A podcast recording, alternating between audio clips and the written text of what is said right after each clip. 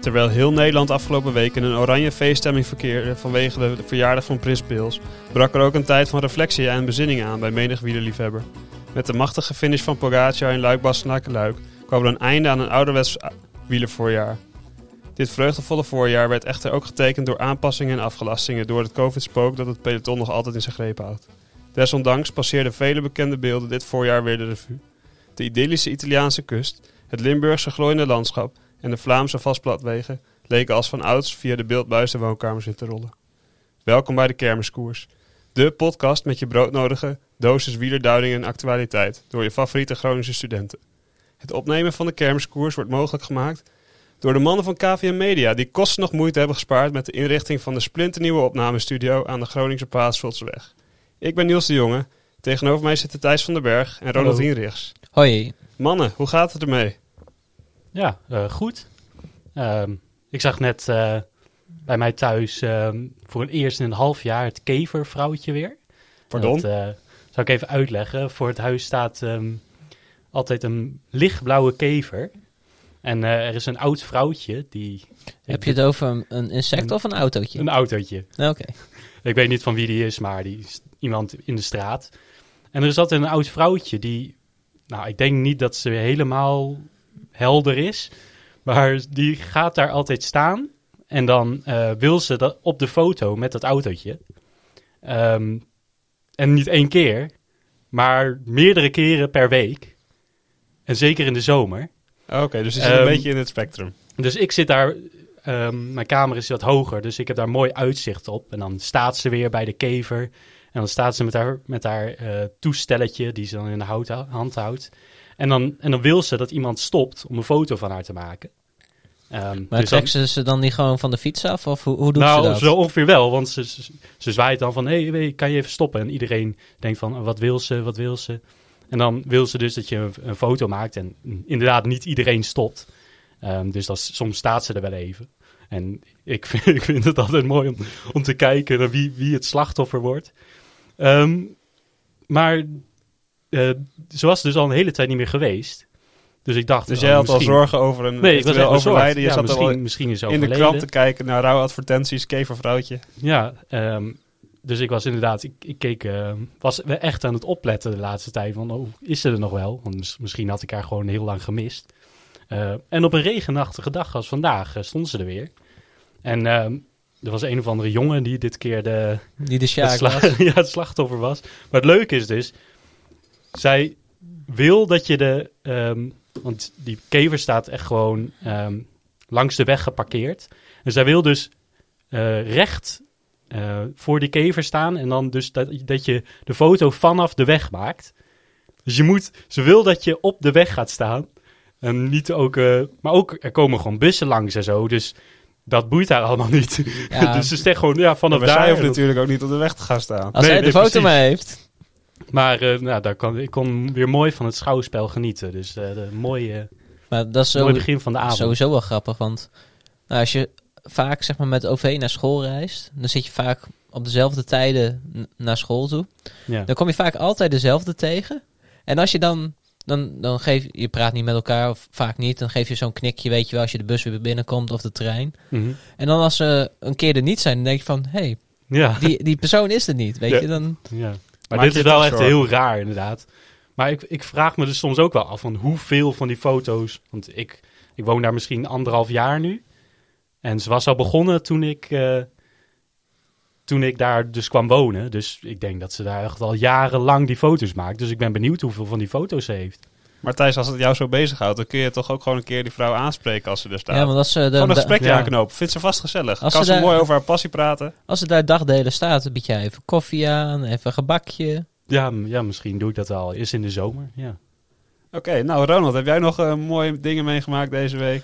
Ik had eh, een, een bijzondere week. eh, want ik had... eh, ik heb mijn zadelpen weer teruggekregen. Of een nieuwe gekregen. ja.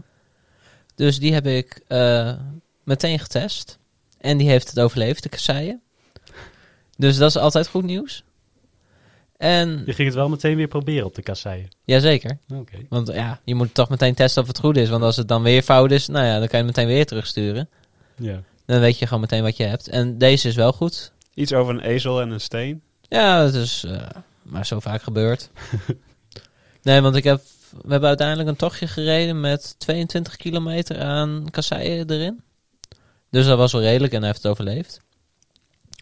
En verder ben ik gisteren ook nog zelf weer gevallen. Oeh. Maar dan met de stadsfiets. Dus ben jij het sleutelbeentje van deze week? Ja, bijna wel. Maar ik ben op zich er vrij goed van afgekomen. Alleen wat schaafwonden en een eh beurzen knieën. Maar wat heb je allemaal gedaan dan? Ja, helemaal niks eigenlijk. Ik fietste gewoon het Emma-viaduct af. Het, nou ja, het regende, het was glad. Alles was glad, de weg glad, de fiets glad. Alleen je hebt je capuchon op. Dus nee, Gast, kan nooit een capuchon op doen. nee maar je. Ja, levensgevaarlijk. Ik Maar heb je nooit bij Veilig Verkeer geleerd. Dat je al die oefeningetjes moest invullen. En dan stond er altijd capuchon op, niet doen. nee, maar die, diegene die ons die toes afna- afnam was niet zo duur om om te kopen. Oké. Maar dus gewoon capuchon op. Je kijkt een beetje naar beneden. Je ziet hooguit een meter of twee voor je. nou, je let niet zo goed op. Of, nou ja, Jij let niet zo goed op. Of je let niet zo goed op, je, je kijkt niet zo ver vooruit. Nou ja, en omdat je dus dat Emma-viaduct afrijdt, heb je op zich best wel snelheid. En er was in één keer een putje in de weg, of een, nou ja, een hobbel. Dus de fiets komt een beetje omhoog. Nou, ik werd wat gelanceerd. Alleen omdat het dus allemaal glad was, gleed ik dus van mijn pedalen af. Oh. En toen ging ik. Een broekstuk, jasstuk. Ah, lekker En, smakkend. en hoeveel toeschouwers waren er? Ehm, er was één vrouwtje bij de bushalte. Maar die, die ging, draaide zich snel weg, want ik was wel een beetje aan het vloeken en aan het tieren. Oh ja. nou, valt dus mee. Oké. Ja, valt op zich wel mee. Nou, ik heb ook nog wat leuks meegemaakt, man. En Jullie weten natuurlijk allemaal dat het eh, Koningsdag was afgelopen dinsdag. En nou ja, zoals het een echte Groningse student betaamt, ben ik ook met mijn eh, huis naar het Noorderplantsoen gegaan. Kijk. Je, je weet wel die grote open weide met eh, in het midden zo'n weg met het basketbalveld. Daar is het altijd poepie druk. Dat is echt ongelooflijk. Dus je bent eruit gestuurd. Nee, hè? we zaten gewoon met eh, vier mensen op een kleedje. Gewoon heel eh, gemoedelijk, zonder eh, gekke dingen te doen. Maar we zaten wel toevallig echt, nou, 10 meter van een groep van 50 mensen. Volgens mij waren het internationals. Die waren bierpong en flunkybal en allemaal gekke dingen aan het doen. En eh, ja, op een gegeven moment komt er een politiekoord van, heb ik jou daar het eh, terrein op. Echt 30 eh, agenten en ook nog 10, eh, ja, hoe heet dat? ME? Nee, nee, nee. Eh, handhaven. Handhaving inderdaad. Ja, de BOA's. Boa's, ja. Ja, nou, dat was echt ongelooflijk. Gewoon een hele escorte. Die, en iedereen werd van het terrein verwijderd. Want ja, ik dacht, misschien pakken ze gewoon grote groepen. Nee, maar iedereen mocht weg. Ook eh, wij als groepje van vier. En ehm, ik zat er ook met mijn wortelpak. Eh, want ik heb natuurlijk wel gewoon een oranje kostuum aan eh, op Koningsdag. Dus toen moest ik eh, in mijn wortelpak weer naar huis fietsen. Kreeg ik nog wel wat bekijks. Ook allemaal mensen die eh, gekke vragen begonnen te stellen. Ehm, maar ja, dat doen ze gewoon nu standaard, hè, het Noorderplantsoen. Altijd eh ze sturen ze mensen weg. Ze toen vroeg ik nog aan die agent van... Ja, maar waar moeten we dan zitten? Het is gewoon Koningsdag. We moeten toch ook een beetje normaal buiten kunnen zitten. Het terras zijn nog dicht. Ja, toen wees hij even naar over, aan de overkant bij het water... waar Thijs en ik ook wel eens eerder hebben gezeten... op een Ja. beetje een heuveltje. Ja, je kan daar wel gaan zitten. Daar komen we toch niet langs. ja. Echt super dubbel. Gewoon alleen maar een symbool dat ze even wat mensen hebben weggestuurd... en dan eh, weer, kon iedereen weer erg, ergens anders gaan zitten. Ja, ik was s'avonds ook nog aan het trainen in het Stadspark. Gingen we gewoon in- en uitlopen daar.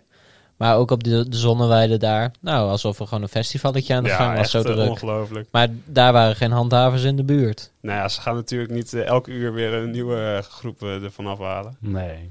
Maar daar sta- zitten we hier niet voor, jongens. Want we zitten hier voor de koers. En wel eh, te verstaan Luik Bastenaken Luik, die eh, afgelopen weekend nog is verreden. Ja. Ehm, en ook een, een, ja, een terugblik eigenlijk over het hele voorjaar. Wat is ons opgevallen?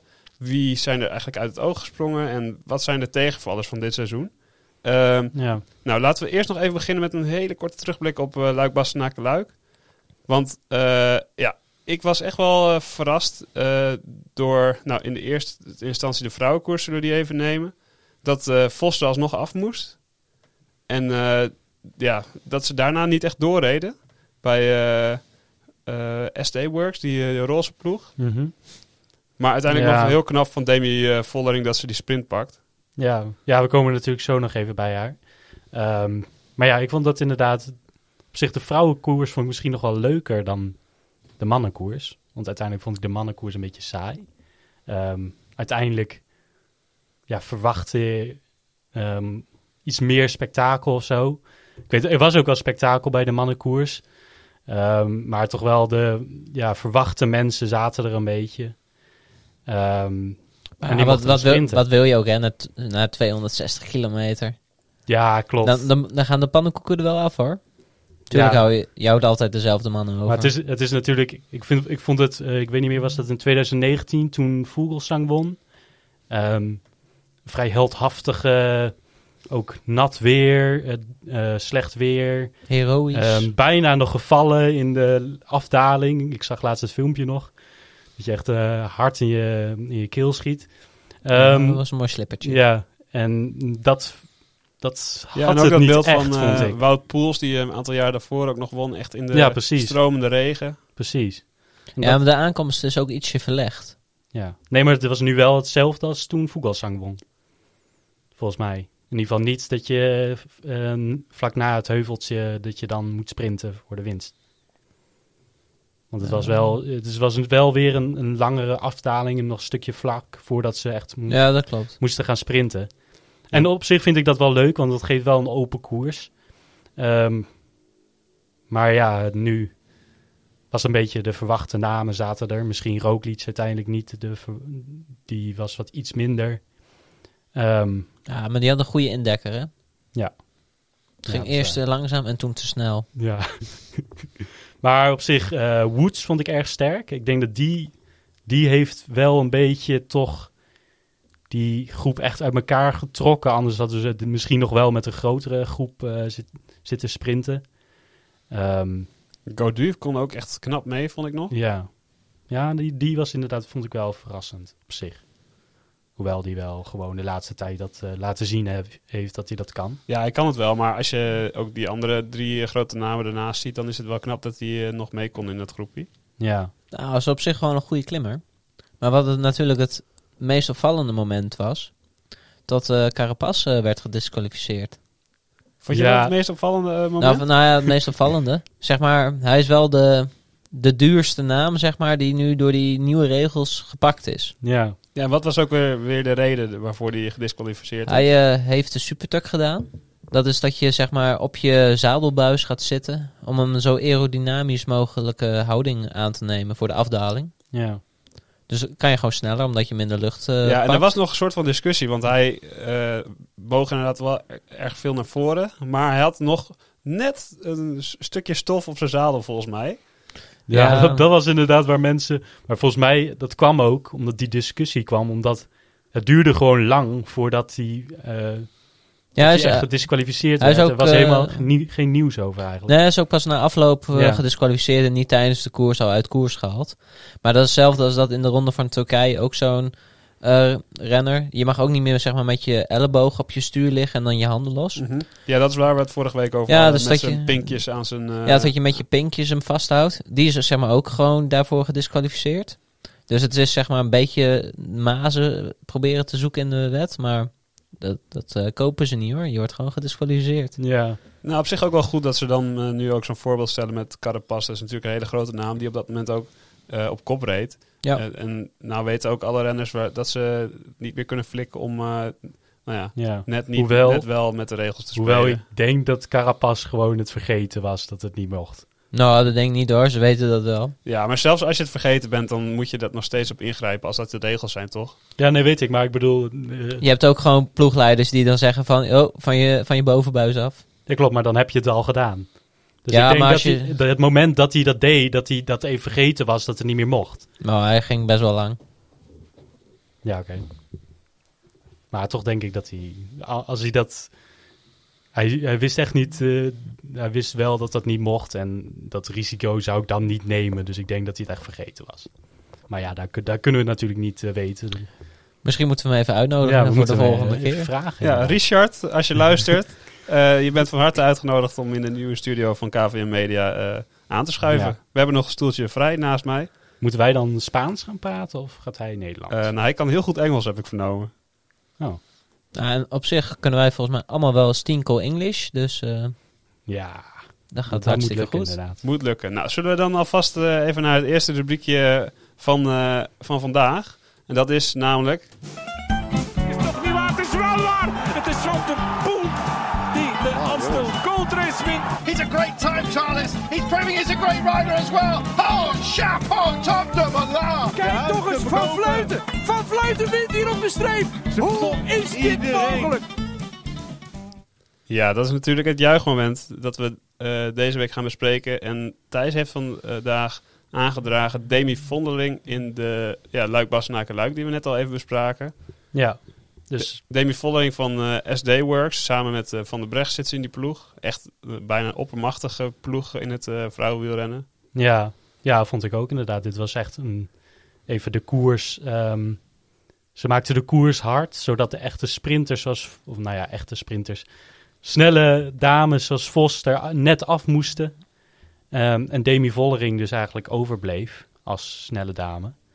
Ehm, die dan kon sprinten. Nou, echt goed werk van Anna van der Brecht. Ja, want wel. die trok gewoon Ja. een lead-out van eh 10 kilometer. Ze had Ja. zelf ook nog wel weg kunnen springen, denk ik hoor. Ja, maar dan is de keuze al gemaakt dat ze gaat Ja. werken voor Vollering. Ja, en die had natuurlijk al laten zien, want we hebben het al wat eerder over haar gehad in andere afleveringen. Dat zij ehm, Marianne Vos bijna versloeg in de Amstel. precies, dat ze daar Marianne Vos bijna à la Philippe deed. Maar Demi Vollering had dus eerder, volgens mij in de Brabantse pijl, of, nou ja, of Waalse pijl, ik weet niet meer welke pijl het was. Ehm, maar die had daar juist een à la Philippe eh, gedaan. Dus dat ze al ging juichen voordat eh, ze al gewonnen had en toen nog werd gepasseerd. Ja, toen was het ook echt op eh, honderdste van seconde dat ze nog werd Ja. gepasseerd. Ja, precies. Dus dat, ook al was dat dom natuurlijk, dat liet wel zien dat ze wel echt snel was. Want dat was ook gewoon een goede sprint. Je, je ziet wel steeds meer dat mensen toch echt wel doorsprinten tot de lijn in Ja. plaats van al gaan juichen. Omdat de afgelopen jaren wordt er steeds meer elkaar Ja. geflikt op de lijn. Maar ze had het inderdaad wel geleerd van, eh, van, van toen. En ik weet niet of jullie de interviews ook een beetje gezien hebben na afloop. Het- de emoties kwamen wel naar boven inderdaad. Ze heeft er wel echt hard voor gewerkt. Ehm, en natuurlijk eh, heel veel eh, aan haar ploeg gehad. Wat natuurlijk ook... nou ja, dat helpt ook goed in die emotie dan, die dan naar boven komt. Ja, en ook heel belangrijk, denk ik. Want zij is ook Ne Nederlandse hoop eh, in de toekomst. Ja. Als je nou een hele generatie vrouwelijke wielrenners eh, ziet afzwaaien na dit jaar. Nou, Van Vleuten, Van der Breggen, eh, Vos. Van Vleuten stopt nog niet, maar... nou, maar die zit wel aan het einde van haar carrière in ieder geval. Als je dan ook nog Vos hebt die ook al aan het einde zit. Zij is nou, jong, 23 of zo. 24 zag ik, 24. Ehm, ja, zij moet wel echt de kar gaan trekken de komende vijf, tien jaar, denk ik. Ja, we hebben, we hebben nu natuurlijk geluk dat we echt Een gouden de, generatie ja, de beste van de beste hebben. En op een gegeven moment gaat dat natuurlijk een beetje naar beneden. Of, dan de- of er komt nieuwe aanwas. Ja, precies. Je hoopt natuurlijk op meer, eh, zoals Demi Vollering. Ja, dat hoop je toch. Nou, en dan heb je nu natuurlijk eh, met Jumbo-Visma een hele mooie, eigenlijk wel Nederlands georiënteerde ploeg. Die eh, ja. heel mooi eigenlijk die eh, vrouwen als prof kan op gaan leiden. ja, hoewel heel veel ploegen in het vrouwenpeloton zijn wel Nederlands georiënteerd. Ja, want je hebt ook eh, DSM, dat is ook gewoon een Nederlandse ploeg. En die hebben ook een paar hele goede Nederlandse rensters, zoals Lorena Wiebes. Die heeft vandaag volgens mij ook nog weer ergens een etappe gewonnen. Ja.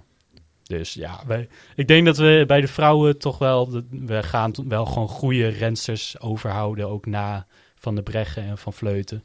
Maar het of dat echt zo goed, ja, of het echt zo goed gaat zijn, dat, dat durf ik niet te zeggen. Maar ehm, Want het was nu al bijna erg dat er niet een volledig Nederlandse top 3 was in Luik, Wassenaar, Ja. Luik. ja. Nee, nou ja, erg, erg. Ja, die moet ook een beetje competitie hebben natuurlijk. Maar eh, in principe hadden er drie Nederlandse dames eh, op het podium Ja, dat had zeker gekund. Maar dat is hetzelfde als je naar het veldrijden gaat kijken. Dat je dan verbaasd bent als je een keer geen Belg in de... Of zeg maar een andere, iemand anders dan een Belg in de top 10 ziet. Bij de, bij nou, de je hebt natuurlijk nog wel wat Nederlanders. Eh, Lars van der Haar en Mathieu eh, kan ook wel aardig eh, veldrijden, heb ik vernomen. Ja, op zich, die kunnen wel wat. En Pitcock. Nee, Nee, maar, maar, het is natuurlijk je- wel een Belgisch georiënteerde sport. En dus ook wel met het eh vrouwenpeloton dat natuurlijk echt wel wordt aangevoerd door de Nederlandse dames. Maar het wordt interessant om te zien wat er de komende jaren gaat Ja, want gebeuren. het, het wordt steeds internationaler. De, de buitenlandse dames worden ook gewoon steeds beter. Dus ze moet, de Nederlandse moeten ook gewoon steeds harder werken. Voor dezelfde resultaten. Ja, Ja. en als we dan eh, meteen even, aan, even inhaken in de terugblik op het eh, voorjaar. Ik denk dat het wel heel goed is geweest dat er heel veel vrouwelijke koersen echt goed in beeld zijn geweest. Ik bedoel, ik, voorheen kende ik zeker niet eh, de, alle toprensters uit het peloton. Maar Nee. dit jaar heb ik echt eh, heel veel moois gezien. En dat werd ook uitgezonden op Sporza en, en op Nederlandse zenders ook eh, af en toe. Ja, veel meer had ik het idee. Ja, je leert het eh, peloton ook wat eh, beter kennen van de vrouwen. Dat is ook vooral heel prettig. En dat, dat helpt ook gewoon om er meer inderdaad naar te gaan kijken. Want eerst was het een beetje zo van... Oh, ehm, Vos Nou heeft ja, gewonnen, ik heb Van alvast- Vleuten heeft ja. gewonnen. ja, ik heb niet gekeken. Ik kijk nog even de samenvatting. Misschien als een Nederlandster gewonnen heeft. Anders niet. Ehm, of je kijkt... Oh, ehm, voor de, je wil de mannen koers al kijken. Dus van tevoren is nog de vrouwen. Dus ik kijk daar nog eventjes half naar. Maar niet met heel veel aandacht. En nu, ik, ik heb wel het idee dat dat echt wel, echt wel groei in zit. Ja, het heeft meer aandacht gekregen. En natuurlijk eh, zijn ze ook gaan afwisselen. Want de- de vrouwenkoers is af en toe voor een eh, grote ronde geweest, maar ook daarna. Dus eh, wat heeft jullie voorkeur in dat opzicht? Nou, het lag vooral aan, de, aan de, het type wedstrijd en de organisator. Maar op zich, als, je, als het na de mannenwedstrijd is, dan, dan kijk je het. Ja, want dan zit je toch al helemaal erin. Ja, want als het ervoor is, ja, de mannenkoers zelf begint vaak pas om twee uur of drie uur 's middags. En dan ben je zelf of nog op pad, of nou ja, je, je doet andere dingen. Ja. Dus als je dan nog eerder voor de tv moet hangen, ja, je moet het zeg maar dan echt eh, ja, een plekje geven in je agenda, als het ware. Ja, precies. Je moet er dan echt voor gaan zitten. En, da en dat gebeurt nog niet zoveel. Ehm, dus ik denk dat het inderdaad wel helpt dat het erna is. Want dan heb je misschien net die mannenkoers achter de rug. En dan hoop je, nou ja, voor de vrouwenkoers hoop je dat dat misschien een beetje saai was zelfs. Zodat dan de vrouwenkoers misschien extra leuk lijkt. Ehm, en dan, eh, dat helpt dan denk ik wel. Ja, want de vrouwenkoers is eh, wel best wel veel spektakel eh, Ja. altijd. Nou, het, is een, het is een hele andere tactiek die ze vaak eh, hanteren. Het, is, het lijkt zeg maar veel meer op eh junioren- en beloftekoersjes. Gewoon, gewoon erin vliegen en gaan. Ja, gewoon aanvallend, niet te berekenend. Ja, en Ja. ook de, de ploegen hebben veel minder eh, ja, Overwicht. overwicht. En eh, nou, de koers wordt wel gecontroleerd, maar wel beduidend minder gecontroleerd dan bijvoorbeeld wat Ineos in het mannenpeloton in sommige koersen doet. Ja, Dus Ja. ja, ik denk dat het een hele goede ontwikkeling is dat eh, het vrouwenwielrennen echt vaker in, ja, op de Nederlandse en eh, Vlaamse televisie te Ja. zien is. Ehm, wie is voor jullie de, de, ja, degene die uit het oog is gesprongen in het vrouwenpeloton dit voorjaar? Ehm, nou ja, dan zou ik toch zeggen Demi Vollering. Die kende ik eigenlijk niet eh, voor, voor dit voorjaar. Ehm, en als je haar uitslagen ziet, dan is die, nou ja, ik zou niet zeggen de dame van het voorjaar, maar toch wel, zit toch wel in dat rijtje. Ehm, Zeker de verrassing van het ja. voorjaar. En eh, ik had ook even gekeken naar wat ze vorig jaar gedaan heeft.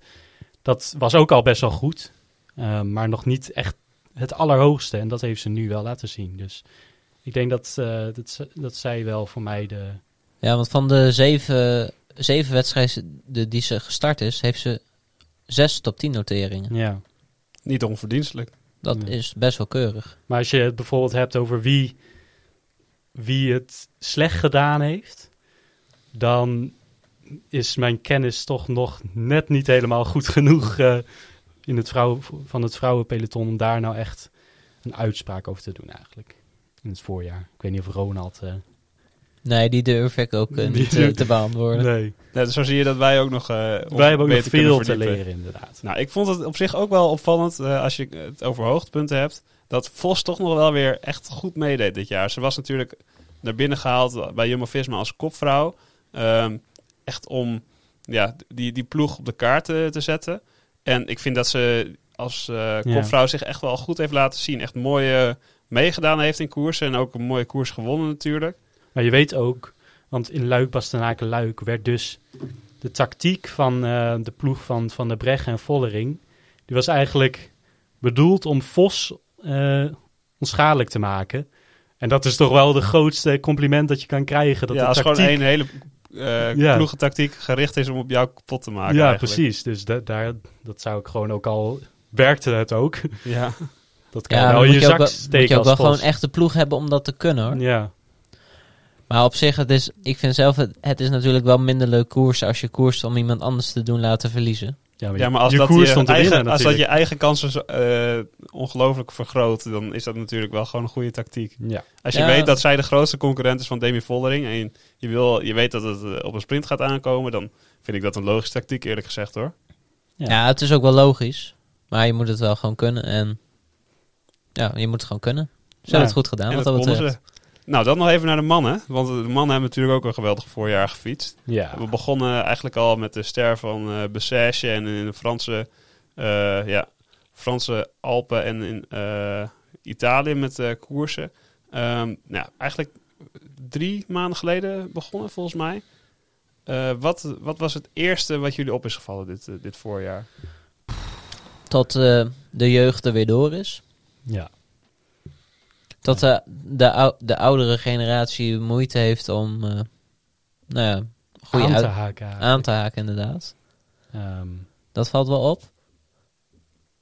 en inderdaad, even een voorbeeldje bijvoorbeeld, inderdaad, die we al genoemd hebben, Vogelsang, die vast echt wel goed was, maar gewoon nu niet meer mee kon met de, de nieuwe namen zoals een Pitcock. Ja, want hij is Ehm, nu ook 36 inmiddels. Ja, een Pitcock, een, een Van der Poel. Daar, daar kon hij gewoon niet meer aanhaken. En ik denk echt niet dat hij veel slechter was ehm, dan bijvoorbeeld het jaar dat hij Luik was ten Luik won. Ehm, maar inderdaad, gewoon de jonge generatie. Ik, Ja, die weet wisseling niet van de wacht die Ja. zet zich echt wel voort. Maar ja, ook Ja, als je praat over grote namen zoals bijvoorbeeld Greg van Avermaat, die verwacht je echt precies wel hetzelfde. één of twee koersen winnen in het voorjaar. maar nou, Nou, nou, nee. als Olympisch kampioen. ja, maar dat wel is, veel dat koersen is ook alweer vijf jaar geleden. Nou, Van Avermaat is nooit een veelwinnaar geweest. Die is altijd, zeg maar, die is consistent. Die rijdt altijd top 10, dan wel top 5. En hij heeft gewoon 1, 2 jaar gehad dat hij gewoon, nou, gewoon echt heel goed was. En dat was gewoon zijn piek. Ja, Daarin won hij gewoon ook, zeg maar, zijn, zijn wedstrijden. Dat was 2016, 17. Daarin was hij gewoon heel goed. ja. Maar ja, je kan, wat mij betreft, kan je inderdaad wel een beetje zeggen dat, dat de jonge generatie, die, die hebben het echt gedaan dit voorjaar. Ehm, en de oudere generatie is misschien wel een beetje de, Dat is wel meer naar De achtergrond Ja. gedreven. de verliezer, als het ware. Dat is een beetje lastig zeggen. Als ik, ik had even nagedacht over wie ik dit voorjaar ehm, nou ja, echt vond tegenvallen. Ehm, en dan wil ik eigenlijk een hele ploeg noemen. En dan kijk ik vooral naar het, naar het Vlaamse werk.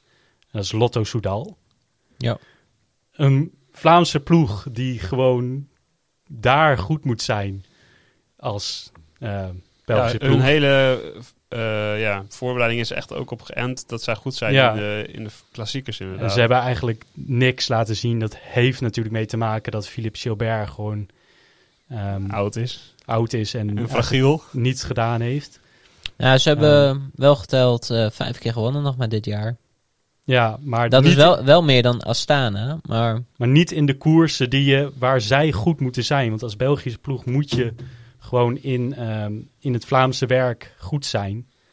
Ehm, mhm. En, dat, en ze hebben niet hun naam van World Tour ploeg waargemaakt als je het vergelijkt met Alpecin Phoenix. Zelfs als je Mathieu van der Poel weghaalt, hebben die veel meer laten zien in het Vlaamse werk dan, dan Lotto Soudal. Ja, en je klopt. zag ook echt zwakte boden af en toe. Dat ze echt meegingen in een vroege vlucht met, nog, met Ja. best wel grote namen. Waarvan je al wist dat ze het niet gingen halen. Maar toch zetten ze hun kaarten daarop om nou, publiciteit en zo te krijgen. Maar je zag eigenlijk bijna al dat ze niet eens meereden om te winnen in sommige koersen. Was echt... Ja, maar ze hebben dus, ze hebben bij die ploeg hebben ze dus gewet. ehm, door geldproblemen hebben ze gewet op de jongere generatie. Die hebben ze laten overkomen. Maar die moeten er Ehm, nog doorheen komen. En die, die laten het nog niet zien. En voor een World Tour ploeg moet je het laten zien. Ehm, en je bent geen opleidingsploeg. Want ze he- je bent een World Tour ploeg en ze hebben zelfs een opleidingsploeg. Ehm, maar zo lijkt het niet, heb ik het idee. Ehm, er zijn natuurlijk wel namen die wel gewoon hun, hun dingen nog laten zien. En Ewan en Wellens heeft volgens mij ook gewoon gewonnen. Ja, Wellens heeft gewonnen inderdaad. En, en die laten het straks in de grote rondes waarschijnlijk ook wel weer zien. Maar toch, het Vlaamse voorjaar, daar, moet daar moeten zij aanwezig zijn. En dat waren ze niet. Ja, was gewoon ronduit teleurstellend. Ja. Nou, welke ploeg heb jij eh, naar voren gehaald als teleurstelling van het voorjaar dan? eh, of welke renner? Ronald? Nou, ik zelf vond eh, Mark Hirschi nog niet eh, overtuigen. Die, Oh, is natuurlijk, die is natuurlijk met eh, grote bombari van eh, Sunweb eh, naar de UAE gegaan. Ja, maar ook wel met een paar gekke ontwikkelingen hoor. Ja, Want, want, eh, volgens mij wilde Team DSM wilde hem niet meer. ja hebben. dat, dat, dat weten ze niet. Dat, daar mag niet over gesproken worden. dat is contractueel vastgelegd. Dat er niet wordt gesproken over de reden waarom die weg is gegaan. Ja, maar dat is eigenlijk al schimmig. Dat is al heel schimmig. Maar hij verdient gewoon een miljoen. Dus dan verwacht je gewoon resultaten. En hij is... Ja, kijk, ze mochten natuurlijk niet starten in de, in de Walse pijl door een coronabesmetting van de staflid. Ja. Maar daarnaast, ja, hij is 60 geworden in Luik. Dat, dat is Ik op zich niet heel onverdienstelijk. Nee, ik vond hem daar wel beter dan, in- dan hij daarvoor had laten zien. Ja, daar was hij wel gewoon, gewoon beter. Maar voor de rest had hij ook... Even kijken. Ja, aan de andere kant, jongens, hij had vorig jaar natuurlijk wel gewoon een superjaar. Maar het is niet alsof hij al vijf jaar constant Nee. eh, ons allemaal doet verbazen in elke klassieker. Nee, maar gewoon met zeg maar zijn vo- voorgaande jaar. Waar die, vorig jaar was hij gewoon goed. Hij reed goed, aan- aanvallend, hij, hij won. Hij Hij- kon bijna in elke koers kon hij. Vorig jaar had hij gewoon de Walspijl gewonnen. Hij heeft in de Tour heeft hij gewonnen. Hij, hij reed er gewoon bij. En zeker zeg maar met de, de Bombari waar hij de transfer mee heeft gemaakt. Dan zeg maar verwacht je gewoon... Zeg maar als jonge reizende ster verwacht je gewoon resultaten eigenlijk. Ja. Ja, nou, ik Hoewel denk, dat, ik moeten denk we dat wel- zijn piek nog moet komen hoor. Want als je ziet dat hij, volgens mij vandaag of gisteren in Romandie ook in de sprint, eh, volgens mij derde of vierde wordt of zo. Derde. Ja. Ja, ik denk dat, dat hij nog wel wat gaat, van zich gaat Ja, laten hij is, hij is ook nog 22. Hij is zelfs jonger dan dat ik ben. Maar je had, ik had zeg maar van het zijn vo- klassieke voorjaar had ik gewoon wat meer verwacht. Ja, nee, dat, daar kan ik wel eh mee leven, inderdaad. Maar hij heeft, hij heeft gewoon nog eh, tien jaar te gaan En- waarin hij... En eh, zijn, en zijn ploeggenoot had wel gewoon in Luik Bastenaken Luik gewonnen, dus dat helpt ook wel. eh, Ja, maar Voor- we hadden voor het team over, was het goed. over een Ja. persoonlijke teleurstelling van Ronald. ja. ja. En ja, Pogacar die, die heeft absoluut niet teleurgesteld. want Die heeft Nee. echt gewoon knijt veel gewonnen. ja. Nou, dan nog even iets wat... Ja, een ploeg die mij eigenlijk een beetje tegenviel de- dit voorjaar was eh, Team DSM. Ik heb in de, volgens mij, eerste of tweede aflevering... heb ik mijn eh, hoop nog gevestigd op de jongens van eh, Team DSM, voormalig Team Sunweb. Ja. Want ja, ze hadden vorig jaar echt wel mooie tactieken. Ook in de Tour konden ze laten zien dat ze ja, met veranderende situaties heel goed om konden gaan. En dat je eigenlijk altijd, dat ze altijd wel iemand naar voren konden schuiven. Maar dit jaar leek het gewoon eh, bij elkaar Ja. geraapt zooitje. Want als je kijkt naar welke, welke gasten ze in de ploeg hebben, dan, nou ja, eh Bardet, die kan eh, aardig fietsen. Ehm, nou, dan heb je ook nog Niels Eekhoff, die er volgens mij ook echt aan zat te komen naar dat NK van afgelopen Die jaar. hebben echt tegengevallen. Die is echt tegengevallen. Nou, dan heb je nog eh Krach Andersen, nee, de, be- beide Krach Andersens. De Søren Krach Andersen die viel tegen. Ah, hij is wel negende geworden in Sanremo. Na ja, maar negende. Maar de, Hij gaf degene, lead-out aan Stuiven. degene die ik het meest gezien heb van DSM is Joris Nieuwenhuis. En dat Om- zegt toch wel iets. Ja, omdat hij in de kopgroep fietste meestal. Ja, nou, die, was, die was oprecht wel sterk. Was op een gegeven moment had hij, was hij gevallen. Ehm, dus die, die heeft me wel eh, een beetje verrast. Maar ja, dat, dat is niet de naam die het voor DSM al moet gaan doen. Nee, en ook als je kijkt naar sprints, bijvoorbeeld eh, Kees Bol. Nou, dat was... eh, vorig jaar heeft hij het net niet gehaald om in de Tour echt eh, voor etappe-overwinningen te gaan. Dit jaar heeft hij volgens mij in de Tirreno één etappe Parijs-Nice. of Parijs-Nice één etappe gepakt. Maar ja, daarnaast ook niet echt eh, verpulverend eh, van zich laten zien. Nee, want dat, horen. die zegen van Bol in Parijs-Nice was ook hun enige overwinning nog dit jaar. Ja, dat is best wel triest voor een ploeg met, nou ja, best wel volgens mij tien mannen die gewoon wel etappes kunnen winnen in ieder geval. En ook nog aanstormend talent, want dat is waar ze natuurlijk echt bekend om staan de afgelopen jaar. Dat ze Ja. elke keer weer weten te verbazen met wie er nu weer eh, aan de start staat. Je hebt natuurlijk wel Tijmen Azersman die ja, in de grote rondes eh, waarschijnlijk nog wel wat, eh, wat gaat doen. Maar ja, als je bekijkt wat voor nieuwe namen we dit jaar hebben gezien bij het Team DSM, dan is het echt wel karig. Ja, ik ben voor de Giro ben ik ook wel heel benieuwd. Want ik heb ook een, nou daar gaan we het straks nog over hebben, maar ik heb een lijstje gemaakt met potentiële kanshebbers. En je hebt natuurlijk Hindley en Bardet, die gaan staan daar beide aan de start. Maar die hebben gewoon dit jaar nou, nou eigenlijk nog niks laten zien. Hindley heeft zelfs gewoon nou, wat rittenkoersen gewoon niet eens gefinished. Ja. Nou, en als je zeg maar straks toch weer mee wil doen voor het podium of de winst, ja, dan lijkt me wel dat je gewoon een, een koers van een week ook wel moet kunnen uitfietsen. Ja, nee, gelijk heeft hij. Ja, maar volgens mij heeft eh Hinty ook aangegeven dat hij eh, op bepaalde punten niet helemaal meer eh, zich zijn nang voelt eh, binnen ploeg DSM. Is dat zo? Ja, volgens mij wel. Eh, en dat zie je heel, met heel veel renners die eigenlijk een soort van kopmanstatus verwerven binnen dat team. Dat die, dat, maar ja, ik weet niet wat, wat er voor een cultuur heerst binnen die ploeg. Maar dat er heel veel renners zich niet meer zo lang voelen in die positie. Eh, nou, afgelopen paar jaar zijn alle kopmannen ongeveer die ze Ja. hadden, zijn weggegaan. Nou, dan moet je toch wel even achter de oren krabben van wat voor cultuur je hebt gecreëerd voor je kopman. Eh, ja, je hebt natuurlijk echt een geweldige ploeg voor nieuwe talenten eh, om zich eh, op te werken. Maar ja, als ze eenmaal aan de top staan, dan moet je ze natuurlijk ook houden. Want anders moet je weer opnieuw beginnen. Ja. Nou, ze hebben niet echt, zeg maar, ze hebben zo'n, vaak zo'n cultuur van, je werkt voor het team. En zeg maar, het team is belangrijk. Maar dat betekent dus ook dat je gewoon af en toe je kansen moet op, eh, op eigen kansen moet opofferen. En dan ja, als zo'n jongen gewoon goed pre- gepresteerd heeft, denkt van, oh, ik ben nu kopman. En je krijgt dan de volgende wedstrijd horen van, ja, je moet nu even op kop eh, rijden voor deze gast. Dan denk ik van, ja, maar dat ga ik niet doen. Ja, maar dat hebben, hebben meerdere ploegen wel. Ik bedoel, Ja, ja, Thijs is daar geen fan van de Wolfpack. Maar ze doen in principe wel gewoon werk voor elkaar. En dat is... Ja, dat zijn ook allemaal gasten die gewoon in kopman kunnen zijn in een andere ploeg. Maar die ja, offeren zich ook wel voor elkaar op. Natuurlijk sommigen meer dan anderen. Maar dat is, dat is gewoon... Dat hoort ook een beetje bij wielrennen, denk Ja, dat ik. klopt. Maar er er is zeg maar iets in die ploeg zeg maar, wat niet helemaal goed gaat daarmee. Ja. ja, ik weet niet precies wat het is. Ik weet niet of, of wat Ronald zegt, of dat precies de reden is. Maar ja, je kan, je kan niet eromheen draaien, want de mannen die daar zijn weggegaan, dat waren gewoon allemaal de kopmannen. Ehm, en ook meerdere keren dat er werd gezegd van, ehm, ik voel me niet meer goed bij deze ploeg. Mhm. Ehm, we hebben de Matthews laatst nog, of dit jaar nog, eh, Ja, nou, de dit nieuwe jaar ploeg. al Matthews, Hershey, eh, Kelderman. Dat zijn dan gewoon... ja, waren hun drie speerpunten de afgelopen jaren. Ja. Allemaal vertrokken. Daarvoor Kittel, Dumoulin. Nou, Kietel is een beetje om andere reden weggaan ook volgens mij. Want die is daarna ook niet echt helemaal eh, op zijn pootjes in het wielerpeloton terecht Nee, die is dan naar Quickstep gegaan, hè? Waar die daar, goed daar was hij wel goed, maar... Daar was hij zeker goed. Maar er was inderdaad, volgens mij was er zelfs bij Kittel ook zoiets. Ja, ja. En een dekenkop. Degenkolb.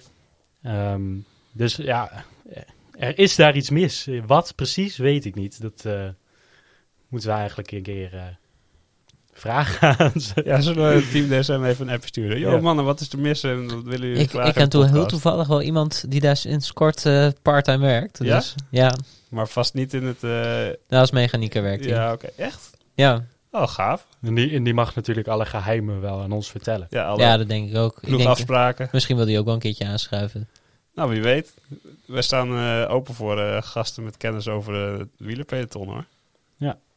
Ehm, nou, dan even eh, verder gekeken naar de eh, socials deze week. Want eh, Thijs en Ronald hebben allebei weer een bepaalde statistiek, nieuwtje of bericht van de sociale media of andere nieuwsplatformen weten te vinden. En eh, nou, wie eh, wilde deze week beginnen? Ik kijk eh, Ronald aan. Die, Ja. kijkt, die kijkt mij een beetje glazig terug, maar die heeft deze week wat meegenomen van, eh, van Koen volgens mij. Ja, dat is, het is van vandaag zelfs. Vandaag gebeurt, ja. Ja. Nee, want het was eh beestenweer in de ronde van Romandie. En er was een afdaling. En, nou ja, zoals het regen betaamt, wordt het dan glad. En als je iets leert is, je moet proberen de witte strepen op de weg te vermijden. En als je erop rijdt, zeker niet gaan remmen. En wat deed Kong? Die, eh, die reed over een witte lijn heen, richting een bocht, hoge snelheid. Ja, want hij zat ook nog eh, in de kopgroep. Hij Ja. ging, Hij kneep in de rem. Hij, hij, hij schoof zo on- onders, ondersteboven. Ja, En hij gleed dus door richting zeg maar, een, nou, een opritje van, van een huis. Alleen daar was, lag een beetje gras. En er was een beetje een heuveltje. En dan, daar bumpte hij zo overheen. Vloog hij nog weer een beetje door de, door de lucht heen. ja, en hij kwam uiteindelijk wel... eh, zittend eh, op een of andere Ja, de- garage. Nee, maar Hij had, niet heel veel, hij had niet zo heel veel schade en dat viel allemaal wel mee. Maar het zag er gewoon eigenlijk heel grappig uit. En het, het opvallende was, hij kwam dus tegen zo'n kussen aan, hè, die ze daar hadden neergezet. Die hebben ze meestal paaltjes of zo neergezet. Dus Ja. Ik denk dat het inderdaad op een paaltje zat. Daar kon je tegenaan. En normaal denk je van, eh, waarom zetten ze die daar nou weer neer? Maar nu is hier gewoon echt iemand tegenaan gekomen. En dan, en dan snap je wel eh, Ja. waarom ze dat kussen daar hebben neergezet. Ja, maar je kan ook niet op 200 eh, kilometer overal kussens gaan plaatsen. Nee, Dus dat doen ze ook, dat doen ze ook meestal Nee, dat doen in ze ook de niet. afdalingen. Maar dit was toch, eh, hij, was daar, hij kwam er heel mooi tegenaan. En ik denk, volgens mij heeft hij ook niet heel veel eh, aan de val overgehouden. Nee, want hij hij is heeft- ook gewoon gefinished. Ja, ja, hij is daarna vrij vlot weer op de fiets gestapt en doorgefietst. Ja. Ja, want eh, dat vraag ik me wel af. Eh, ik weet niet of een van jullie twee wel eens onderuit is geleden met zulke nat weer. Ja, gisteren nog. Maar, maar sch- schaaf je dan echt, echt ook alles open als je normaal, zoals je normaal op asfalt onderuit nou, het ligt, heel erg, het ligt er heel erg aan hoe, hoe, je, hoe je valt en wat voor kleding je aan hebt. Maar met een, Nou, laten beetje, we zeggen met wielerkleding aan. nou, met een beetje geluk hou je er niks aan over. En met een beetje pech schraaf je echt alles open wat je open kan. Ja, want het lijkt me... Het, ja, het is natuurlijk wel gewoon asfalt. Maar als dat zo spekglad is, dan lijken die renners er altijd zo ja, gemoedelijk overheen te glijden. Ja, nee, als het zeg maar nattig is, dan, dan valt het vaak ook wel mee omdat het minder stroef is. Dus dan, dan is de kans op schaafwonden wel iets minder groot. Dan is het iets minder een eh, eh, schaafpapier, of hoe heet dat? Schuurpapier. Schuurpapier, ja. ja. sorry. Dat als het droog is, dan is het bijna schuurpapier waar je gewoon overheen sch- schaaft. Ja, En nu, inderdaad met nat weer, wat Koen dus vandaag deed, was dat toch iets minder. En dat heb ik toch wel liever, denk ik. eh. ja. Want ik heb, aan gisteren heb ik ook schaafwonden dus overgehouden. Maar omdat het dus nat was, ja, gleed ik een soort van door. En dan viel het best wel mee. ja. Toch, toch niet vallen. Nee, vallen moet je niet doen. Nee, niet over de witte lijnen rijden. Dat was het advies volgens Oh ja. mij. Ja, dit zijn eh, stunts eh, allemaal. eh, don't try dit at home. Ja, Oké, Thijs, jij had nog ook nog wat meegenomen. ja ehm, nou ook een luisteraar, Mees, die eh, gaf dit ook aan op de Instagram. Ehm Groenewegen gaat naar de Giro. Eh, dat maakte Jumbo-Visma vandaag bekend. Of niet vandaag. Eh, deze week in ieder geval. Ehm, en dat is toch wel opvallend. Ehm, hij werd eerst, zou hij naar de ronde van Hongarije gaan volgens mij. Ja, eerst zou hij eh, 12, tot 12 mei volgens mij zijn debuut maken eh, dit Ja. jaar. Nou ja, eh, iedereen weet het wel. Zelfs de, de niet-wielerfans hebben wel de val van Jacobsen misschien een keer gezien. Ehm, dat was toch... Of misschien één keer te veel gezien. Ja. Dat was echt een afschuwelijke ik val. heb dus geen één keer helemaal gezien. Nee? Gewoon omdat ik niet hoefde Kan te je daar niet tegen? Nee. Ehm, Nou, ik vind het ook wel... Ik vind, ja, niet dat ik het leuk vind om te zien of zo. Maar ik vind het wel interessant hoe, dat, eh, hoe, hoe zo'n val dan eh, ja, eigenlijk eruit ziet. ja, nee, als er, als er niks... Nou, ik wist toen al, ik had het niet gezien. En ik wist toen al dat het heel erg was bij Jacobsen. Dan, dan hoef ik het niet te zien. Je hebt het helemaal nog niet gezien? Nee. Oh, oké. Eh, wel, wel de s- begin van de sprint, maar echt de val niet. En wel de foto's natuurlijk. Maar dat, dat filmpje hoef ik niet te zien. Maar ja, daar, ehm Groenewegen had daarvoor dus een eh, straf gekregen. Negen maanden schorsing. Negen maanden. Die waren wel ehm groot deel van vorig jaar al ingegaan natuurlijk. Ja, gewoon vanaf het moment zeg maar dat die val Ja. gebeurde. Ja. En eh Groenewegen had het zelf ook erg moeilijk gehad. Want hij is echt gewoon bedreigd daardoor. Hij heeft Ehm, gewoon stroppen naar zijn huis toegestuurd gekregen en zo. Ja. Dat is echt eh, best wel heftig. de En social wij media. ook. ontmoedigen, ontmoedigen alle luisteraars ook om zulke dingen te doen. Ja. Dat is natuurlijk verschrikkelijk. Nee, kijk. Het was niet slim wat hij deed. Dom. Ehm, maar ja, hij heeft zelf echt ook heel zwaar gehad daardoor. Hij is ook eh, bij een psycholoog geweest. Ja, precies. En dan hij gaf dus ook in het interview aan dat hij, zeg maar, want hij gaat dus daar rijden. Dus hij gaf ook aan. Ja, normaal gesproken zou ik in Hongarije starten, kleine koers, niet veel mensen of niet veel ja, niet mensen veel waar, kijks. waar ik normaal mee rijd. Maar omdat ik dus nu naar de Giro ga, omdat er dus een ploegmaat ziek was, want daarom rijdt hij nu de Giro. Ja. Was zeg maar, ja, ik accepteer alle negatieve gevoelens die mensen hebben. En dat ik ook gewoon waarschijnlijk slechte re- reacties ga krijgen op mijn terugkomst. Dat accepteer ik. Want ik weet dat die er gaan komen. Want sommige mensen zullen het niet leuk vinden dat ik weer ga rijden. En sommige mensen nou, zullen het oké vinden. Ja. Dus dat wordt zeg maar op. Nou, het kan nog wel een dingetje worden hoe dat weer gaat. Maar ik, ik vraag me ook een beetje af wat de gedachte van Jumbo-Visma was. Want even... Want Chris Harper, dat is een Australische klimmer van de ploeg... die toch vooral ter ondersteuning van George Bennett meeging. Eh, George Bennett die daar als kopman, zeker voor het klassement, eh, wordt uitgespeeld. Ehm, en die was dus ziek. En dan vraag je af, ja, is, is dat wel de handigste om dan Groenewegen mee te nemen? Want die gaat niet... ehm, Die gaat niet uh, Bennett Bennett, ondersteunen in de, bergen. Nee. Ehm, ze hadden David Dekker al meegenomen als sprinter. Ehm, hoe gaan ze dat nu doen? Dus nu heb je wel een beetje het idee van... ja, we hebben niemand anders, dus dan maar Groenewegen. Ehm Ja, dat hoewel zou, ik dat wel zou wel echt- goed kunnen. Ja, nee, dat denk ik. Want eh, ja, het, het, het, bij Jumbo-Visma is al een tijdje van... Teunissen, die was eh, inderdaad in het voorjaar. Dus toen hebben ze ook als ehm, belofte renners ehm, overgehaald... om in de voorjaarskoers te gaan koersen. En nu heb je wel het idee van... ja, ehm, iemand moet dat gat invullen en dat wordt dan Groenewegen. Ehm Ja, dat eh, Ja. komt de ehm klassementsaspiraties van George Bennett niet ten goede in ieder geval. nee, en, Maar- en nou, het idee... moet, moet ik eerlijk zeggen dat ik sowieso niet de Jumbo-trein op kop Nee. verwacht. Nee, Dus of die nou dat mannetje er wel of niet bij heeft in de bergen, dat, dat maakt ook niet veel op. Nee, Hij zit toch wel het in het wiel van Het iemand verschilt anders. wel of je een Chris Harper mee hebt die eh, nog een bergje over kan... of Groenewegen die nog de tijdlimiets probeert eh, te halen. Ja, nee, dat, dat maakt zeker wel uit voor, zeg maar, gewoon voor, het, voor de tussenstukjes en het water halen van de, van de auto's. Maar voor het op kop rijden, ja, dat maar gaan ze denk ik sowieso niet doen. Ik denk meer dat ook. Maar ik denk dat we meer een beetje moeten kijken naar groene wegen. Of dat. Want het idee was, we brengen hem weer in de luwte. Mhm. En dat is natuurlijk niet de luwte als je hem in de Giro als Nou, aan eerste de andere kant, als je... Ja, wie kijkt nou de Giro, hè? Nee, maar aan de andere kant, als, je, als hij niet meesprint, maar gewoon als lead-out voor bijvoorbeeld David Dekker eh, meegaat, dan zal hij natuurlijk wel iets minder in de aandacht zijn dan als hij zelf Ja, eh, voor maar, eigen maar als, hij, als hij gewoon goed is zoals hij was van, Ja, hij, van hij tevoren, claimt, moet je hem dan niet laten sprinten. En hij, hij claimt eh, goed te zijn. Ja, wat, wat doe je dan? Als, Want- hij, als hij kan winnen, dan laat je hem natuurlijk winnen. Ja, dat klopt inderdaad. Maar het is zeg maar ook nog wat, wat ik net al zei: van ja, hoe gaat het peloton op hem reageren? En gunnen die hem wel zeg maar het plekje daarvoor in het peloton als er gesprint gaat worden? Nou, Gaan ze- Ik, denk, ik denk niet dat ze gaan focussen om hem... eh, Nou, het- je je zou je verbazen hoor, maar er zit best wel een. Als je vecht om je positie, Ja. er zit er zeg maar wel een- enigszins een gunfactor. ja. Want ja, je, je moet er soms tussen gelaten worden of je drukt jezelf ertussen.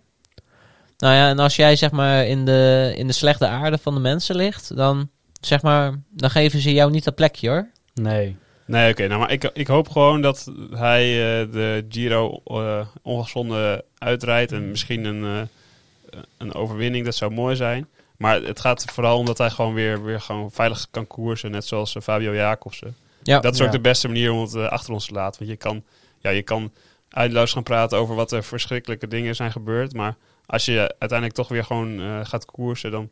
Ja, het is wel gewoon hun werk en de- dan kun je het ook weer een plekje geven, denk ik. ja, Ja. klopt. Nee, klopt. Ja. Nou, dan even over de. Even kijken hoor. Over het sleutelbeentje van de week. Ehm, en dat is eh, deze week eh, door Thijs aangebracht. Het sleutelbeentje van de week. Ja, in het sleutelbeentje van de week bespreken we iedere aflevering een, ja, een iets wat ongelukkige renner. Die op ja, gekke wijze of eh, ja, onhandige wijze in de Ja, aandacht is Vooral gekomen. pech, inderdaad. Ja. En eh, nou deze week is dat de Japanse renner van Delco, Ja, hoe heet die Thijs? Atsushi Oka. Oké, ja, Thijs heeft het net opgezocht op Google Translate hoe je het uitspreekt. Dus het zal wel goed zijn. Dit, was, nee, dit was niet goed. Ah, het zal vast in de buurt komen. Ja. Het is in ieder geval een Japanse renner van Delco. En wat heeft deze jongen eh, gedaan of wat is hem overkomen? Eh, nou, hij heeft dus ehm, een dopingcontrole gehad. Ehm, en daar bleek dus dat hij doping gebruikt had. Ehm, En dat mag niet, natuurlijk nee, niet. dat mag niet. Zij had Dat- een dat- schorsing oei, gekregen. Dat mag niet. Ehm, maar uiteindelijk bleek dus dat hij door een oogoperatie ehm, had hij een bepaald middeltje gekregen. Want anders kon hij zijn zicht verliezen. Precies. Dat, ja, daar heb ik wel een dopingschorsing voor over. Ehm, maar toch, dat daar, vier dagen daarna heeft hij dus een controle gehad. En bleek dus dat hij doping gebruikt had. Wat ik een beetje een raar, rare manier vond van zeggen. Want heeft dat gewoon toe- toegekregen. Nou ja, je hebt zeg maar gewoon, je hebt gewoon een, een lijst, de dopinglijst, waar allemaal middelen en substanties op staan die je gewoon, Ja, die, die- prestatie of prestatie mankerend zijn. Ja. En die mag je Nee, gewoon niet verhogen, niet mankerend. Want, Nee, je hebt zeg maar middelen die- die je prestatie verhogen, verhogen. ja. En je hebt middelen die het maskeren tot jij iets eventueel gebruikt kan hebben. Ah, oké. Zeg maar, dat zijn dus zeg maar een soort van ja, middelen die dan verbloemen. Als jij EPO hebt gebruikt bijvoorbeeld, dan heb je ook middelen die je kan slikken waardoor het lijkt alsof jij niet EPO hebt gebruikt. Oh, oké. Die staan ook op die lijst. En dit was zo'n zo'n goedje wat zeg maar eh, doping kan maskeren. Oké. En dat, dat is zeg maar dus ook meegenomen in dat, die uitspraak van ja, het staat gewoon op de lijst. Dus je hebt gewoon doping gebruikt. Want je- in principe als je een medische aandoening hebt, Ja. kan je een, een uitzondering aanvragen. Zo rijdt eh, Team Sky ook al jaren op de pufjes. Ja. Maar dat, hij heeft dus niet die medische a- of eh, zeg maar die uitzondering aangevraagd, omdat hij niet wist dat hij dat middel zou krijgen. Ja. Dus vervolgens is hij dus getest en nou, dat middel is gevonden. Maar wist hij op het moment dat hij eh, geopereerd was of klaar was met de operatie dat dat überhaupt Nee. eh, had toegediend? Nee, dat wist hij dus niet. Nou, dat is dan wel heel ongelukkig. Ja, en dat is dus na afloop is dat aan het licht gekomen. En toen heeft de dopingautoriteit ook gezegd van ja, dit is wel dusdanige zeg maar samenkomst van omstandigheden dat je hij, hij wordt dus een soort van gematst. Ja. Want hij is dus voor maar hij is nu de normaal gesproken is het twee of vier jaar, Mhm. maar hij is nu maar voor vier maanden geschorst, omdat de de dopingautoriteit erkent dat hij het niet bewust zelf heeft ingenomen. Ja. Ja, klopt. En vier maanden, wa- wanneer gaan die in? Want, ehm, Volgens mij mag hij vanaf eh, begin mei alweer rijden.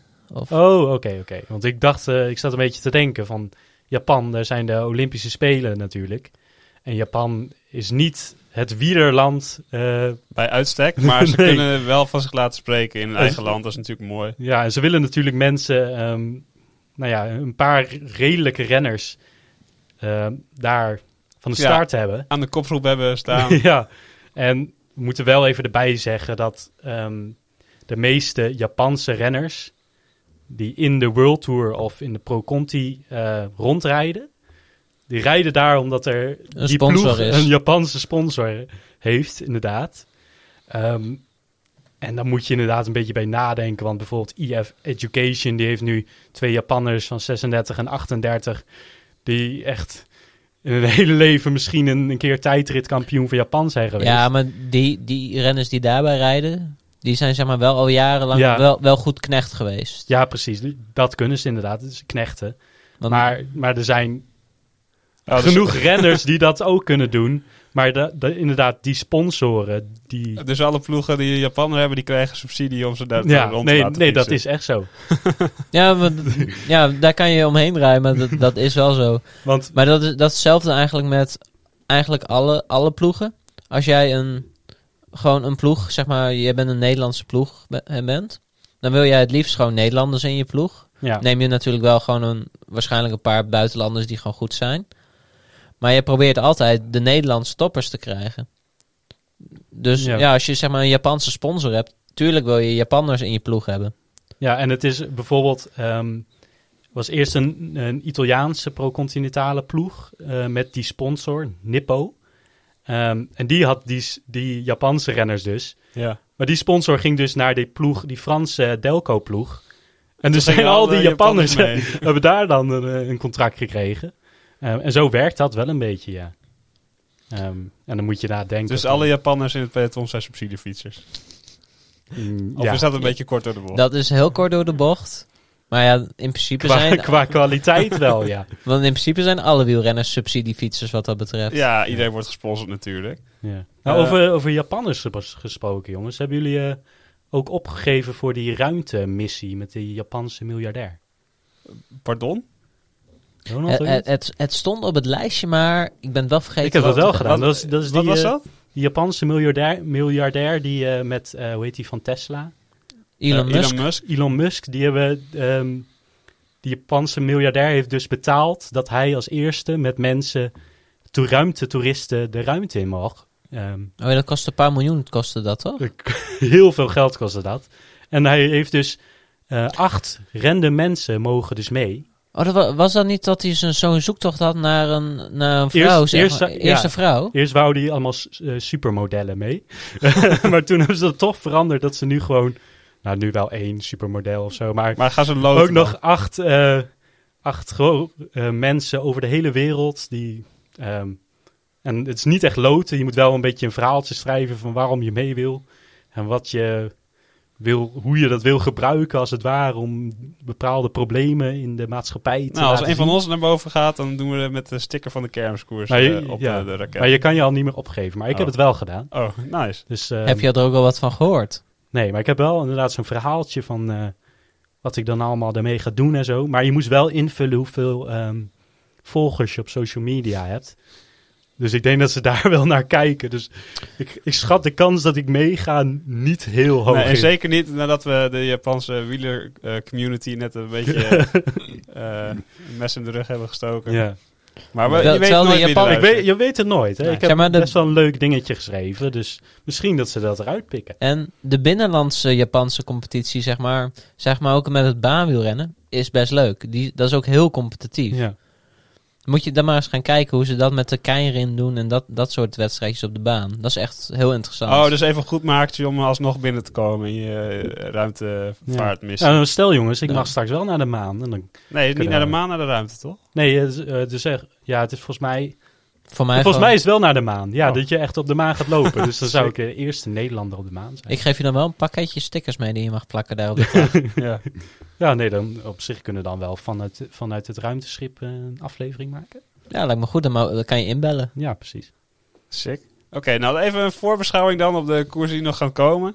Ehm, zoals het jullie niet zal eh, ontgaan zijn, is de Giro nakende. En eh, ja, wij hebben allemaal al een beetje eh, voorbeschouwing en voorspellingen. Ehm, maar voordat we dat gaan eh, bespreken, eh, hebben we ook een mooie Scorito-pool voor jullie aangemaakt. Dus Ja. alle luisteraars die zich eh, ja, als eh Scorito-kampioen willen bekronen van de kermiskoers... Ja. Die mogen zich aanmelden. We zullen de ditjes en datjes nog wel even in de socials zetten. Ehm, maar het is echt een, een eh, mooie deelnemersveld weer dit jaar. Er Ja. zijn, en eh, het, voor iedereen die eh, op de centen is, het is gratis dit jaar. Dus je kan je gewoon gratis aanmelden bij de Scorito. Ja, en dan hebben wij dus een subpool als de kermiskoers. Ehm, en daar kan je dan gewoon iedereen die daarin zit, die doet dan een soort van een wedstrijdje met elkaar van wie de beste opstelling als het ware gemaakt heeft. Want je moet 20 renners van tevoren kiezen die dan elke etappe eh, punten verdienen. Want je moet die dan ook nog opstellen per etappe.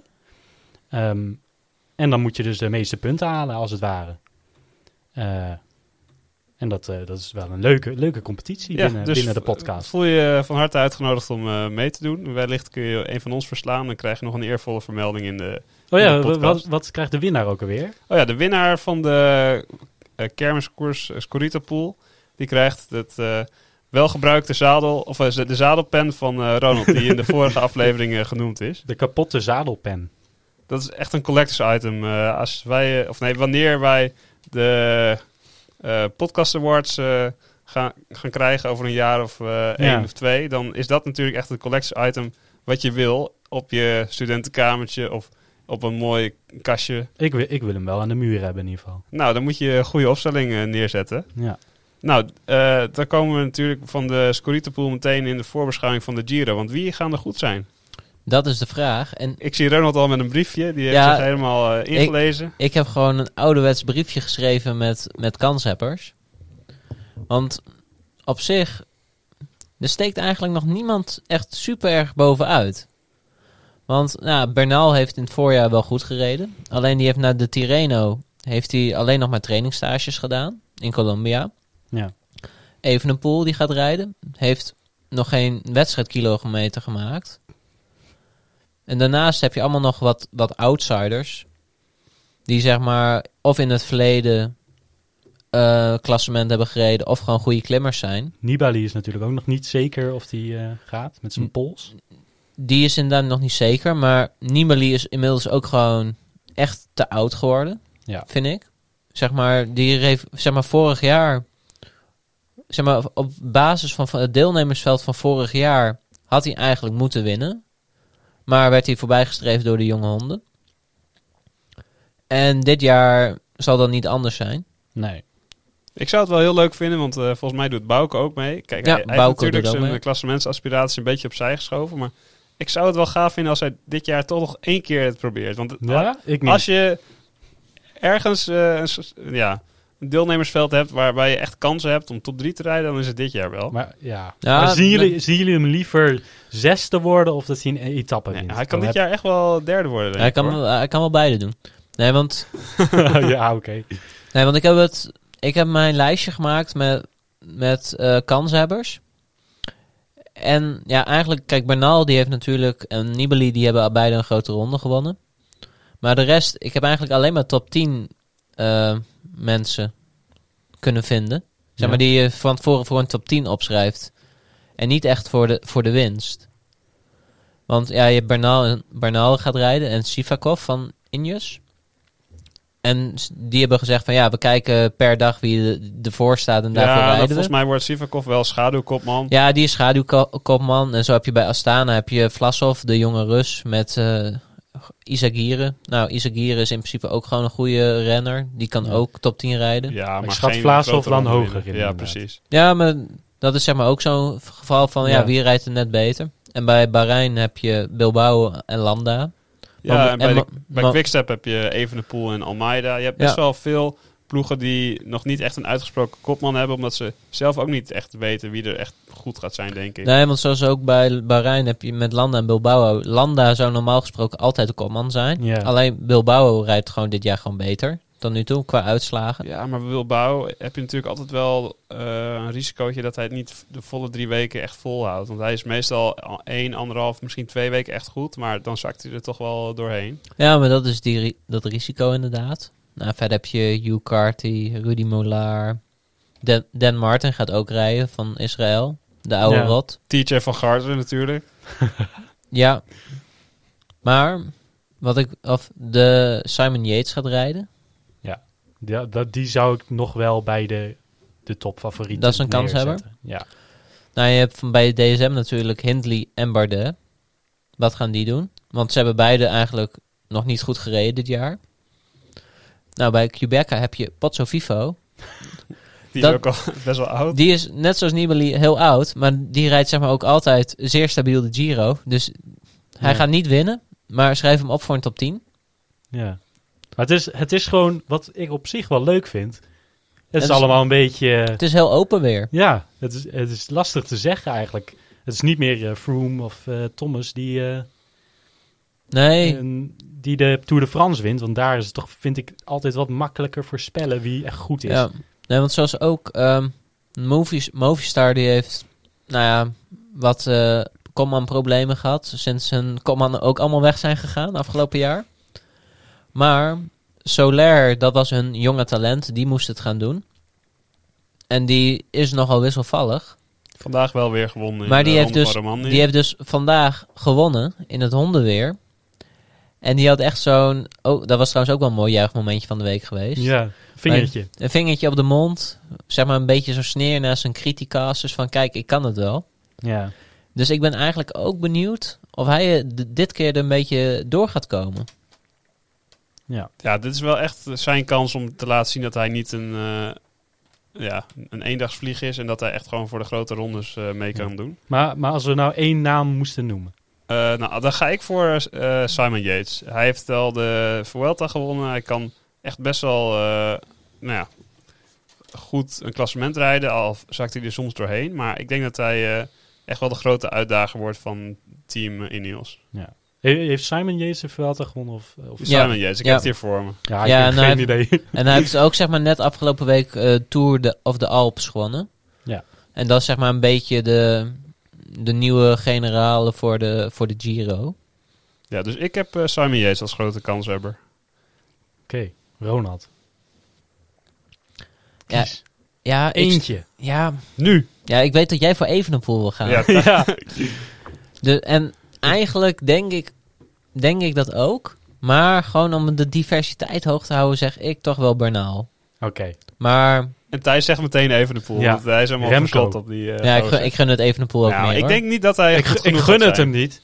Maar ik, ben wel, Oké. ik denk wel dat ja, hij wint. Ja. Ik, ben, ik ben ook meer voor hem, zeg maar, gewoon puur omdat hij een Belg is, zeg maar. Maar Thijs die zegt altijd dat hij echt knijtergoed is. Maar Ja. Ik, ik, ja, ik trek dat altijd nog een beetje in twijfel. Nou, Evenepoel is wel echt goed hoor.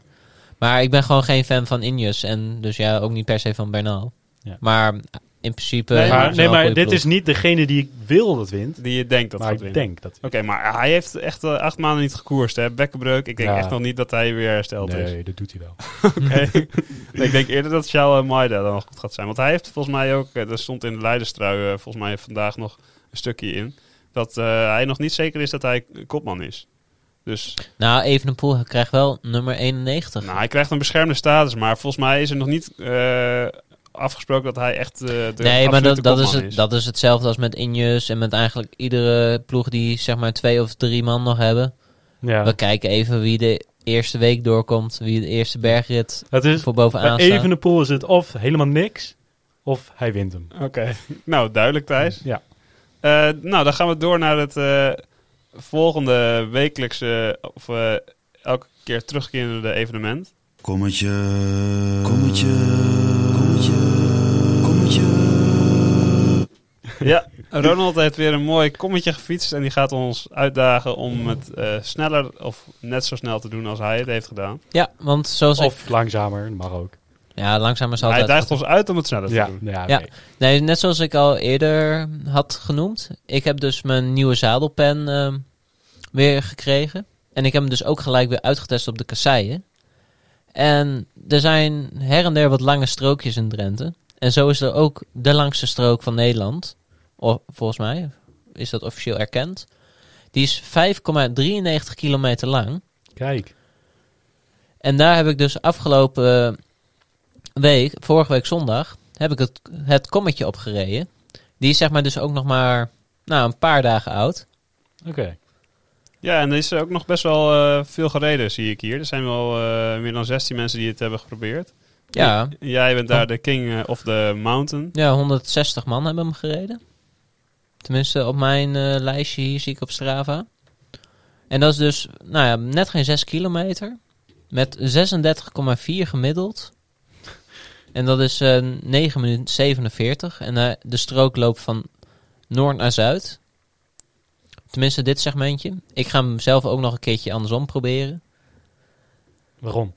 Nou, daar is ook een kommetje of een Oh. segmentje. Oh. En die wil, die wil ik ook graag hebben. Oh, dus, dus voor deze, kommetjes, ja. dus voor deze moeten de luisteraars van Van Noord- noord, naar zuid. van Ja. noord naar zuid. Oké. Ja. En hoe heet hij? Want hij heeft een mooie Hij naam. heet Secteur Pavé de la Couronne de Arbre. Vier sterren. Oké. Oh ja. Natuurlijk de sterren van Roubaix. Ja, nee, dit is wel gewoon echt, echt een lange strook. De stenen liggen er wel gewoon relatief goed bij. Oké. Dus ik, ik vind hem zelf echt prima te doen. En, en heb je nog een tip voor over, want we hebben volgens mij bij de eerste aflevering niet gedaan, een tip om over de kasseien hard daaroverheen te gaan? Nou, kijk, ik ben normaal gesproken van cadans is alles. Gewoon lekker licht eh, peddelen en dan, dan kom je er wel. Maar bij kasseien moet je gewoon, ja, gewoon ordinair stoempen. Gewoon 70, 80 omwentelingen en gewoon gaan. Ja. Maar het is echt maar ook de kunst om je stuur niet goed vast te houden. Dat, dat klinkt Oh, heel... dat heel klinkt een beetje... een beetje losjes in je handen ja, je hebben. moet hem zeg maar gewoon een beetje losjes in je handen houden. Zeg maar dat je hem gewoon wel vast hebt, maar niet gaat knijpen. Want als je gaat knijpen, Ja. dan krijg je nou, gewoon last van je handen. Ga je kramp krijgen. Krijg je blaren waarschijnlijk.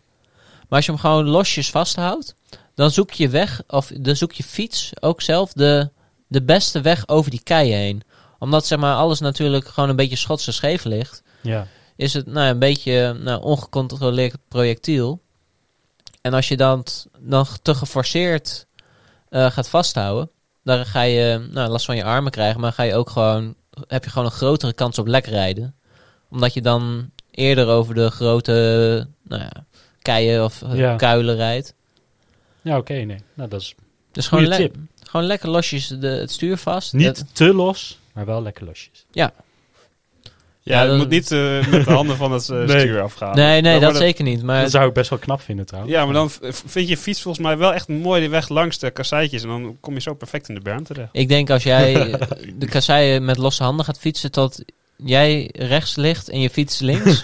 ongeveer op die... Dan stuitte je eraf inderdaad. Maar dat, Ja. dat is wel de tip hoor. Gewoon, gewoon lekker stoempen en je handen gewoon losjes vast. Dan, Ja. dan gaat het een stuk beter. Nou, dat was de aanbeveling voor deze week We- van het kommetje van Ronald. We zetten hem weer in de show notes en de social media. Ja, zijn er nog andere dingen die we moeten melden, mannen? Nee.